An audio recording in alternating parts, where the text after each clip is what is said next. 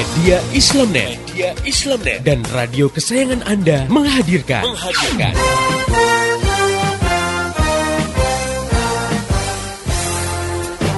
Voice of Islam. Voice of Islam. Voice of Islam. Saya pernah nonton satu acara televisi, di situ ada party, pesta-pesta di sebuah diskotik, lalu dibikin kuis. Cuman kuis itu syaratnya hanya boleh diikuti oleh pengunjung yang bawa alat kontrasepsi, alias kondom. Ternyata banyak yang bawa. Paling datang itu anak muda semua gitu kan. Kita ditanya, "Kenapa kamu bawa?" Loh, kita kan nggak tahu apa yang terjadi setelah ini. Wow, jadi kan sudah sudah sedia payung sebelum hujan gitu ya. Sedia kondom sebelum berzina. Astagfirullahaladzim ya. Kenapa kok seperti terjadi? Karena satu, karena kita sudah hidup di alam sekuler. Hidup dengan landasan memisahkan agama dari kehidupan. Jadi agama udah nggak dipandang. Asma binti Yazid al Ashhaliyah yang sedang uh, dia ingin menanyakan satu masalah di hadapan Nabi dan para sahabat. Dan saat itu di ada forum Nabi dengan para sahabat. Nah, saat itu Asma menanyakan tentang kedudukan peran perempuan dalam rumah tangga dibandingkan dengan peran kaum laki-laki ya. E, bagaimana posisinya? Apakah perempuan itu bisa meraih pahala yang seperti laki-laki lakukan gitu ya? Hmm. Nah, saat itu Rasulullah memuji pertanyaan yang diungkapkan Asma itu di hadapan para sahabat. Nah, ini kan e, menggambarkan ya bahwa saat itu Asma berbicara, kan ada suaranya iya. di hadapan para sahabat dan Rasulullah memuji dan membiarkan dan ini menunjukkan bahwa suara itu bukan aurat gitu. Dalam Islam eh, kehidupan laki-laki dan perempuan itu diatur baik dalam kehidupan umum misalnya uh, dalam pergaulan di sekolah, di terminal, di jalanan umum, di perkantoran ya gitu. Dan uh, juga di dalam kehidupan khusus di dalam rumah. Jadi memang Islam sudah memberikan batasan-batasan uh, di mana laki-laki dan perempuan itu di dalam bergaul, berkomunikasi itu memiliki aturan-aturan tertentu. Jadi bukan berarti dengan diatur dipisahkan gitu ya kehidupan laki dan perempuan benar-benar laki perempuan tuh nggak boleh ngomong nggak boleh ketemu gitu. iya. Ada yang mungkin menganggap Ih, kejem banget Islam tuh ya jadi kayak di karantina gitu laki dengan perempuan tidak demikian. Namun uh, ini catatan pentingnya bukan berarti diperbolehkan jadi segalanya jadi boleh gitu ya. Dalam persoalan yang bersifat pribadi. Nah, ini tidak boleh laki-laki dan perempuan yang bukan mahramnya itu menjalin hubungan khusus gitu ya tanpa disertai mahram.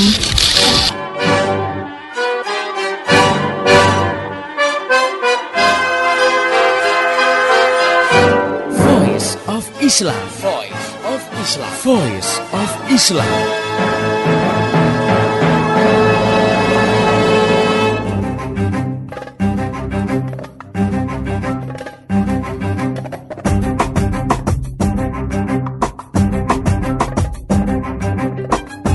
Halo Indonesia, Assalamualaikum warahmatullahi wabarakatuh.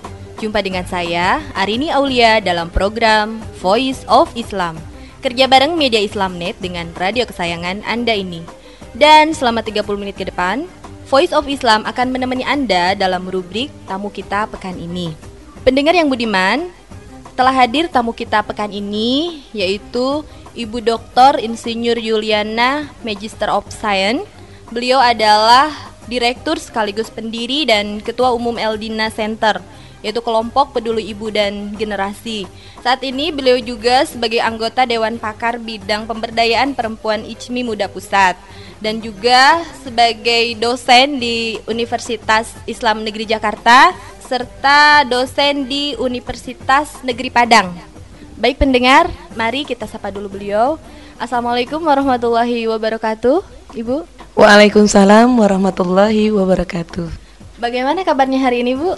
Alhamdulillah, luar biasa. Pendengar yang budiman, pada kesempatan kali ini kita akan coba membahas mengenai homeschooling group dengan tema Ibuku Guru Kami. Nah, oke, okay, langsung saja kita bincang-bincang dengan Ibu Dokter Insinyur Yuliana Magister of Science. Begini Bu, sebelum kita masuk ke pembahasan tema kita kali ini, mm-hmm. mungkin untuk uh, pertama kali boleh dijelaskan gitu apa sih Eldina itu? Hmm. Uh, baik, Eldina itu adalah suatu uh, wadah ya, wadah yang bergerak di bidang pendidikan Islam ya, yang dia bertujuan mewujudkan generasi yang berkualitas ya dengan harapan kualitas generasi yang bisa dihasilkan nantinya adalah kualitas generasi pemimpin yang dia itu nantinya punya karakteristik sebagai generasi yang memiliki uh, kepribadian Islam ya. Dia juga uh, cerdas, sehat dan peduli melalui pemberdayaan ibu. Nah, inilah yang uh, dimaksud dengan uh, lembaga Eldina ini. Hmm, ya. Nah, sekarang uh, masuk ke pembahasan itu. Nah, hmm. apa yang melatar belakangi Eldina sendiri untuk menggunakan istilah homeschooling group?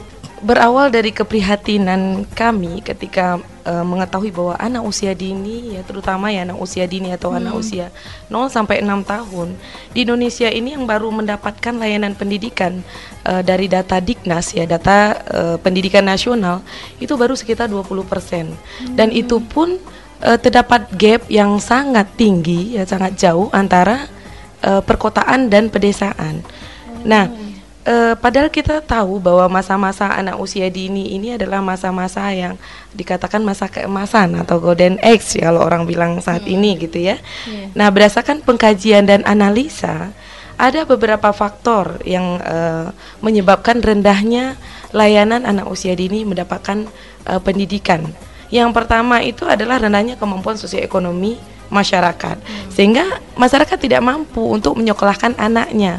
Dan kita tidak bisa pungkiri bahwa biaya pendidikan untuk anak usia dini sampai saat ini bisa dikatakan mahal. Iya. Apalagi bila sekolahnya itu sudah memasang atribut plus gitu ya, yeah. terpadu maupun unggul dan sebagainya. Hmm. Itu yang yang analisa kami yang pertama. Yeah. Yang kedua, rendahnya pemahaman orang tua tentang pendidikan anak usia dini sehingga menilai bahwa pendidikan itu selama ini hanya bisa diberikan di sekolah melalui jalur formal. Hmm. Dan akhirnya orang tua malah ada yang tidak aktif atau tidak peduli dengan uh, pendidikan anak-anaknya. Hmm. Nah, menggunakan istilah homeschooling yang kalau memang betul itu adalah bahasa asing ya mm, yeah. dan kalau uh, kita artikan itu adalah belajar di rumah ya dan kami melengkapi lagi tidak dalam konteks homeschooling individu karena kami tambah grup sehingga menjadi homeschooling group gitu. Mm. Nah, metode ini kami menganggap uh, cocok ya cocok untuk uh, meningkatkan akses anak usia dini mendapatkan layanan pendidikan dan meningkatkan partisipasi orang tua terutama ibu secara langsung dalam proses pendidikan anak usia dini itu. Nah, ini yang uh, kami lihat salah satu alternatif ya uh, dengan permasalahan yang ada di masyarakat kita ketidakmampuan dan uh, dan kekurangnya partisipasi orang tua. Hmm. Nah, dengan metode homeschooling group ini melalui pemberdayaan ibu, maka akses layanan anak usia dini mendapatkan pendidikan itu saya yakin dan percaya bisa lebih meningkat. Kenapa? Yang pertama, kalau homeschooling group itu karena tidak formal, maka dia bisa menggunakan uh, fasilitas rumah ataupun tempat-tempat uh, umum lainnya menjadi tempat belajar untuk hmm. anak-anak hmm. usia dini. Yeah. Yang kedua, kalau di sekolah harus guru yang memberikan dan guru pun dibayar dengan biaya yang cukup mahal, maka kalau orang tuanya bisa menjadi guru, maka ini juga merupakan uh, alternatif bagi kita bahwa ternyata pendidikan itu bisa dengan biaya murah dengan catatan ibunya bisa menjadi guru bagi anak-anak di kelompok tersebut. Hmm. Nah, ini yang yang uh, kita ambil dalam metode homeschooling group itu. Tadi cukup menarik ya membicarakan bahwa ibu itu sebagai guru. -hmm. Nah, kalau kita lihat kan dalam masyarakat bahwa yang namanya guru itu biasanya uh, terkait dengan lembaga formal atau mm. informal mm. gitu. Nah, kalau sekarang itu ya, ibu sebagai guru, mm. gambarannya itu seperti apa, Bu? Ya. Kami mengutip syair yang berbunyi ibu adalah guru jika engkau telah mempersiapkannya berarti engkau telah mempersiapkan suatu bangsa yang mempunyai akar-akar yang baik. Artinya, ibu sebagai guru adalah ibu sebagai pendidik yang mengajari anak-anaknya. Nah, selama ini yang dipahami kebanyakan ibu adalah tugasnya merawat, hmm. menjaga anak dalam hal pemenuhan makan minum, iya. pakaian, kesehatan, keselamatan. Itu memang benar, nggak salah ya. Tapi sesungguhnya banyak ibu juga telah memerankan sebagai guru ini karena dia dialah yang mengenal tentang uh, pertama sekali mengenalkan konsep pencipta kepada anaknya. Hmm penanaman nilai-nilai agama, memberikan stimulasi tentang pertumbuhan dan perkembangan kepada anak-anaknya, itu hmm. sangat tepat diberikan oleh seorang ibu. Nah, sehingga predikat ibu yang hanya sebagai pengasuh atau sebagai perawat saja tidak cukup. Ibu juga harus juga sebagai pendidik gitu ya. Nah, kenapa ada beberapa hal yang kalau kita lihat peran si ibu ini karena ibulah yang memiliki interaksi yang kuat dengan anak karena dialah orang yang pertama kali menjalin interaksi dengan anak. Itu yang pertama. Yang kedua, yang memahami dan selalu bisa mengikuti pertumbuhan dan perkembangan anaknya tanpa terlewatkan karena dia selalu bersama anak. Nah, yang ketiga kami melihat bahwa ibulah sebagai teladan utama bagi anak karena dia selalu dekat dengan anaknya. Yang keempat, yang bisa menerapkan sistem atau prinsip belajar untuk diterapkan karena dia paling banyak punya waktu bersama anak. Nah, yang kelima yang paling berambisi mewujudkan anak yang dia didik ini menjadi anak yang soleh itu ibu. Kenapa? Karena dia tahu bahwa anak itu adalah investasinya di akhirat nanti. Dan yang kelima, kalau kita lihat bahwa yang bisa memberikan pendidikan yang tulus dan penuh kasih sayang itu adalah ibu, karena dialah yang melahirkan. Nah, sangat tepat bahwa konteks pendidik ini khusus untuk anak usia dini diperankan oleh ibunya sendiri, gitu. Wah, kalau seperti itu ibunya harus pintar dong. Nah, lantas bagaimana sih Bu kriteria ibu sebagai guru itu? Apakah harus e, mengenyam pendidikan lebih tinggi? Misalnya dia itu harus lulus sarjana gitu. Ya, kalau seorang ibu harus pintar jelas, ya. Karena kalau seorang ibu tidak pintar, dia tidak akan mampu atau tidak akan bisa dia menjalankan amanah sebagai ibu dan pengatur rumah tangga suami dan anak-anaknya dengan baik. Nah, salah satu cara menjadi pintar memang betul dengan cara menjalani pendidikan sampai pendidikan tingkat tinggi. Itu betul. Itu bukan satu-satunya cara, ya, salah satu. Tapi banyak cara untuk bisa jadi pintar. Nah, contoh misalnya bisa melalui banyak membaca buku terkait bagaimana proses pendidikan anak.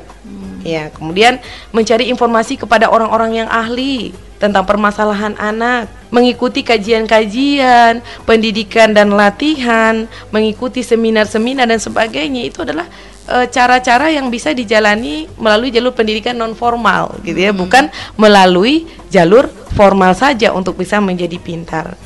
Dan eh, ilmu yang diperoleh di dalam eh, proses seperti itu harus bisa diterapkan dalam kehidupan sehari-hari. Maka dengan cara demikianlah seorang bisa menjadi pintar.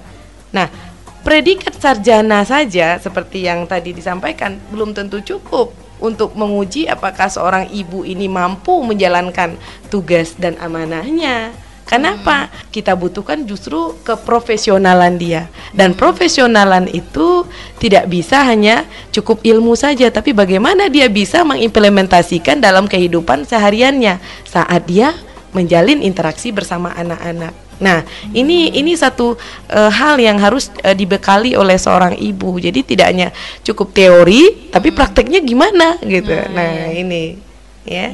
Eh, terus ibu kalau kita melihat kondisi ibu-ibu kan biasanya tersibukkan dengan aktivitas lain, baik Iya. itu ke- eh, untuk ngurusin suaminya, gitu ya, kemudian rumah tangganya. Nah, apakah bisa ini seorang ibu itu tadi punya posisi sebagai guru gitu untuk anak-anaknya? Ya, kalau kita bayangkan ya mendidik anak sendiri, apalagi kalau seorang ibu tuh punya anak empat, Iya. lima gitu ya, itu memang yang terbayang pertama kali oleh kita apa? Repotnya, Iya. sulitnya. Hmm. Aduh, kayaknya nggak mampu deh, nggak kebayang gitu ya. Hmm. Nah, apalagi urusan rumah tangga yang kalau memang sebagian ibu menganggap ya memang nggak pernah habis-habisnya. Dari mulai bangun tidur sampai tidur kembali gitu malah nggak beres. Artinya masih Iya. banyak PR-PR yang harus dikerjakan terkait dengan urusan rumah tangga. Apakah dalam eh, penyediaan makanan atau penyediaan minuman anak pakaian dan sebagainya. Ini yang yang yang memang eh, menjadi salah satu hal yang sering dikatakan oleh ibu oh, bahwa kami tidak akan mampu untuk melakukan itu. Tugas kami saja cukup banyak. Itu kalau dia memang memandang bahwa dia harus melakukan sendiri tugasnya. Nah kami eh, dalam eh, wadah Eldina mengembangkan itu bukan bentuk kelompok belajar yang sifatnya individu tadi. Homeschooling group itu bukan individu tapi adalah bentuk tim bentuk grup nah eh, dengan bentuk grup yang kita bangun di, di, di lingkungan kita, di lingkungan di mana anak-anak berinteraksi dalam kesehariannya, ada beberapa manfaat yang bisa kita lihat. Yang pertama, dengan kita bergrup pertama pada diri si ibu bisa membangun ukhuwah Islamiyah di kalangan ibu. Di samping dapat meringankan beban si ibu. Kenapa? Karena pada saat e, memberikan stimulasi kepada anak dia bisa bergantian dengan ibu-ibunya yang lain. Nah, artinya itu di dalam kelompok. Hmm. Sehingga di rumah ya tinggal dia mengulang kembali apa yang sudah didapatkan oleh anak selama dia berada dalam kelompoknya tadi. Hmm. Nah, yang kedua juga dalam proses kita memberikan stimulasi pendidikan kepada anak, anak ini butuh teman.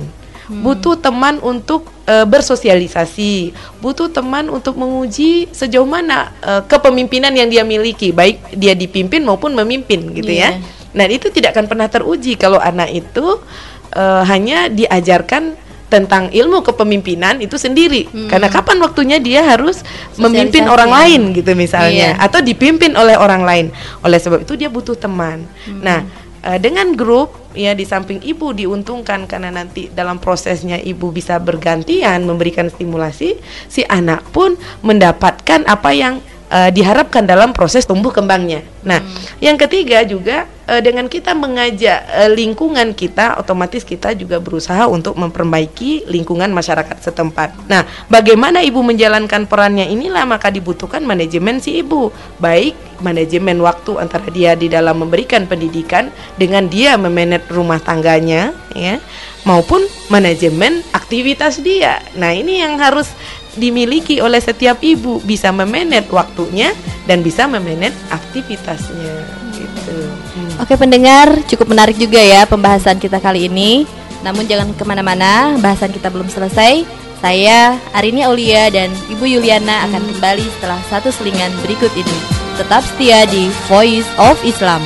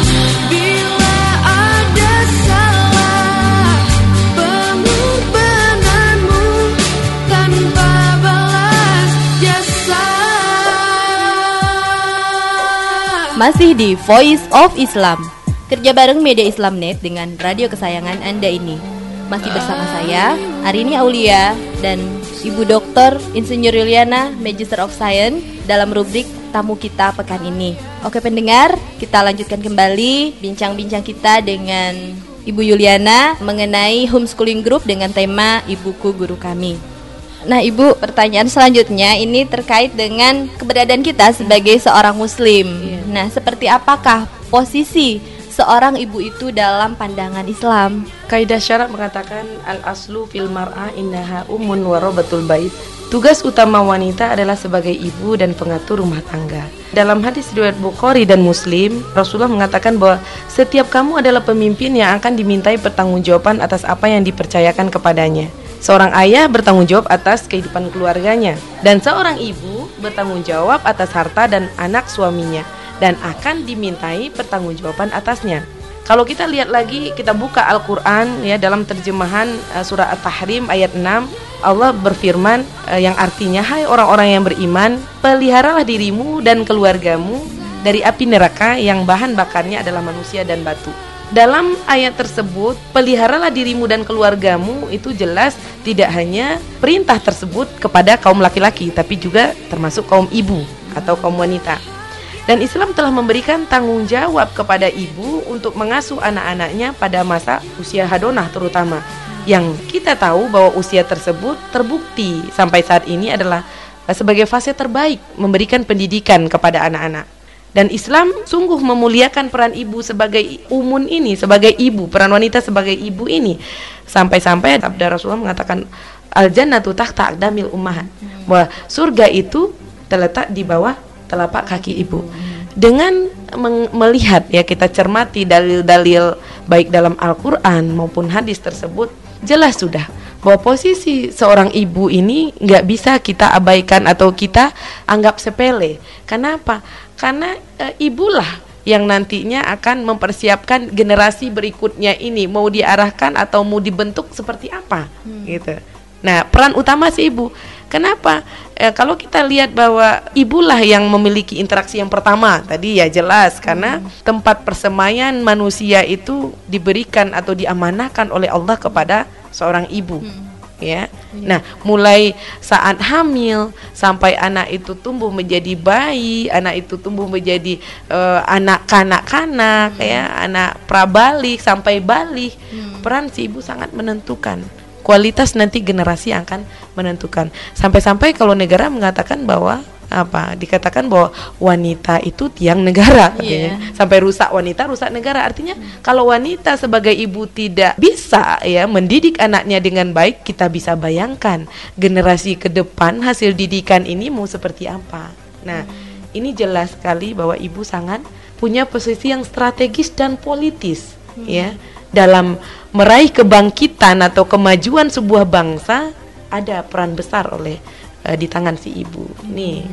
Usia hadona itu apa sih, Bu? Ya, usia pengasuhan. Oh. Usia pengasuhan artinya pembimbingan yang sangat dekat ya, artinya bagaimana si anak mendapatkan pelayanan tidak hanya fisiknya saja, hmm. tetapi mengisi nalurinya, baik naluri beragamanya gitu. Itu adalah masa-masa hadona, masa-masa pengasuhan. Hmm. Ya ya subhanallah sekali ya posisi mm -hmm. seorang ibu itu sangat berperan sekali dalam mm. mencetak manusia. Nah, mm. sekarang apa nih kira-kira Bu bekal mm. yang harus dipersiapkan oleh kaum ibu mm -hmm. ataupun calon ibu mm. agar tadi bisa mencetak generasi yang berkualitas, artinya mm -hmm. mempunyai kepribadian Islam, kemudian mm. cerdas mm. dan juga peduli gitu. Yeah tentu sebelum kita berharap ya, kepada anak kita bahwa dia bisa lahir menjadi anak-anak yang memiliki pribadi Islam yang kuat yang hmm. ditandai oleh pola pikirnya Islam, pola sikapnya Islam. Orang tua terutama ibu harus dulu memiliki kriteria itu. Itu jelas hmm. ya. Berarti apa yang harus dimiliki pertama tentu ibu yang juga memiliki kepribadian Islam. Hmm. Artinya apa? Pola pikirnya juga harus sejalan dengan pola pikir Islam ya, hmm. ya berpikir Islam dan tingkah lakunya atau sikapnya juga memperlihatkan bahwa saya berbuat sesuai dengan Islam. Hmm. Nah, itu dulu. Kemudian uh, dia juga harus juga memiliki uh, ilmu tentang Islam kalau ingin anaknya menjadi anak-anak yang cerdas tadi. Hmm. Ya, baik itu ilmu bahasa Arabnya, ilmu agama ya, ilmu-ilmu yeah. tentang Islam, tentang fikih ya, tentang ilmu eh, ilmu-ilmu yang bisa nanti uh, mengarahkan anak-anak menjadi anak-anak yang cerdas, yang solih ya, hmm. yang solih, solihah gitu. Kemudian juga tentu dia harus menguasai ilmu sains kan pengen kan anak cerdas gitu ya, yeah. anak pintar gitu. Hmm. Tidak hanya sekedar uh, pintar dalam arti uh, sholat saja, tapi dia juga pintar di sekolahnya, pintar hmm. belajarnya gitu ya, yeah. pintar memanage dirinya. Yeah. Berarti ibu juga harus menguasai ilmu-ilmu uh, tentang kehidupan terkait dengan perkembangan anak sesuai dengan usia anak. Nah, hmm. yang kedua ibu juga memiliki kesadaran untuk mendidik anak sebagai aset umat Nah, jangan hanya sekedar uh, mengatakan bahwa oh anak ini nanti akan menjamin kehidupan saya di hari tua tidak, hmm. Tapi berjuang menjalankan aturan Allah itu dulu. Hmm. Karena dia pengen kan anak ini adalah investasinya nanti di umil akhir. Iya. Nah, peka dan peduli terhadap lingkungan. Nah, hmm. jadi jangan anak individualis. Yeah. Nah, berarti kita harus ibunya juga harus care dulu, hmm. peduli dulu gitu kan. Kemudian e, bagaimana dia bisa melahirkan anak-anak yang menjadi sebagai golongan atau umat yang terbaik. Ya, berarti ibu juga harus bisa mencontohkan dulu sebagai figur ibu yang terbaik. Nah, yeah. yang kedua, yang ketiga juga menguasai dan meng, dan e, memahami konsep pendidikan anak. Itu perlu Kenapa? Karena setiap anak itu kan unik untuk kita amati, unik iya. untuk kita eh, apa namanya cermati gitu ya. Nah terkadang si ibu eh, karena keinginannya memang bagus ya keinginannya tinggi gitu untuk anaknya pintar, akhirnya dia eh, kurang pas di dalam proses menghadirkan atau menghantarkan anak menjadi pintar ini. Kemudian dia juga harus pak tahu persis bahwa lingkungan itu sangat mempengaruhi terhadap perkembangan anak. Sudahkah dia jadikan standar Islam dalam mendidik anak? Nah ini juga menjadi eh, hal-hal yang perlu dipersiapkan oleh eh, ibu maupun calon ibu. Nah ini kalau calon ibu berarti dia sudah eh, sifatnya mempersiapkan jauh-jauh. Kalau ibu sambil jalan kan gitu ya. Iya. Nah tapi sebaiknya memang dipersiapkan dari jauh-jauh hari sehingga saat dia memiliki seorang anak dia nggak kelabakan. Saya harus Iya. apakan nih anak. Nah gitu. Ya. Oke. Eh, kemudian Bu, bagaimana eh, sekarang memulai menjadi guru yang baik eh, bagi anak-anaknya gitu? Iya. Yang pertama apa pun yang akan kita lakukan, kita kembali mempedomani eh, sabda Rasulullah yang diriwayatkan oleh Bukhari Muslim, innamal a'malu binniyat. Itu jelas. Pasang niat. Ya, sesungguhnya amal itu tergantung kepada niat. Niatkan mendidik anak-anak itu dalam rangka meninggikan kalimat Allah. Dalam rangka kita mewujudkan generasi yang berkualitas tadi yang bertanggung jawab untuk tercapainya generasi khairul ummah.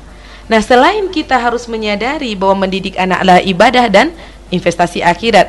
Dengan motivasi ini diharapkan para orang tua ya, khususnya ibu dapat memelihara ketekunannya, semangat terus, kemudian sabar dan ikhlas dalam mendidik anak. Itu yang poin pertama, niat dulu.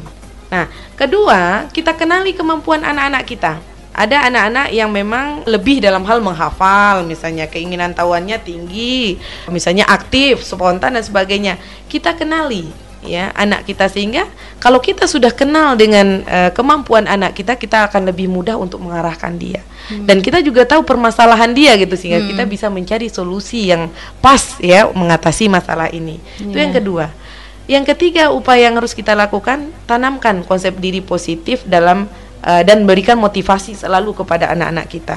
Nah, eh, pembentukan konsep diri positif kepada anak-anak kita ini eh, bisa kita contoh bagaimana dulu Rasulullah memberikan contoh. Ya ini eh, diriwayatkan eh, bahwa ada Abdullah bin Umar ya. Abdullah bin Umar itu dia tidak pernah dalam kesehariannya melakukan sholat malam. Tapi bagaimana Rasulullah menumbuhkan motivasi konsep diri positif kepada Abdullah? Dia sampai mengatakan begini, sebaik-baik lelaki adalah Abdullah jika ia melaksanakan sholat malam. Ini contoh Rasulullah memberikan con- memberikan teladan kepada Iya. kita. Pada saat Abdullah ini mendengarkan uh, ucapan Rasulullah, Abdullah banyak mengerjakan sholat malam. Padahal sebelumnya nggak pernah gitu. Oh. Nah, itu itu yang kedua, eh, yang ketiga ya menanamkan. Yang keempat memberikan stimulasi. Apa itu stimulasi? Stimulasi itu rangsangan, rangsangan eh, dari luar yang dilakukan secara berulang-ulang dan bervariasi. Nah, caranya pun harus pas. Jadi tidak tidak asal eh, berikan TV itu memberikan stimulasi tapi belum tentu pas untuk anak. Apa yang pas? Nah, Rasulullah mencontohkan juga kepada kita berikan stimulasi dengan penuh cinta, perhatian dan kasih sayang. Timbulkan rasa aman, jangan memberikan stimulasi dalam bentuk tekanan, ya sehingga nanti bisa menimbulkan stres, gitu ya. Itu yang keempat.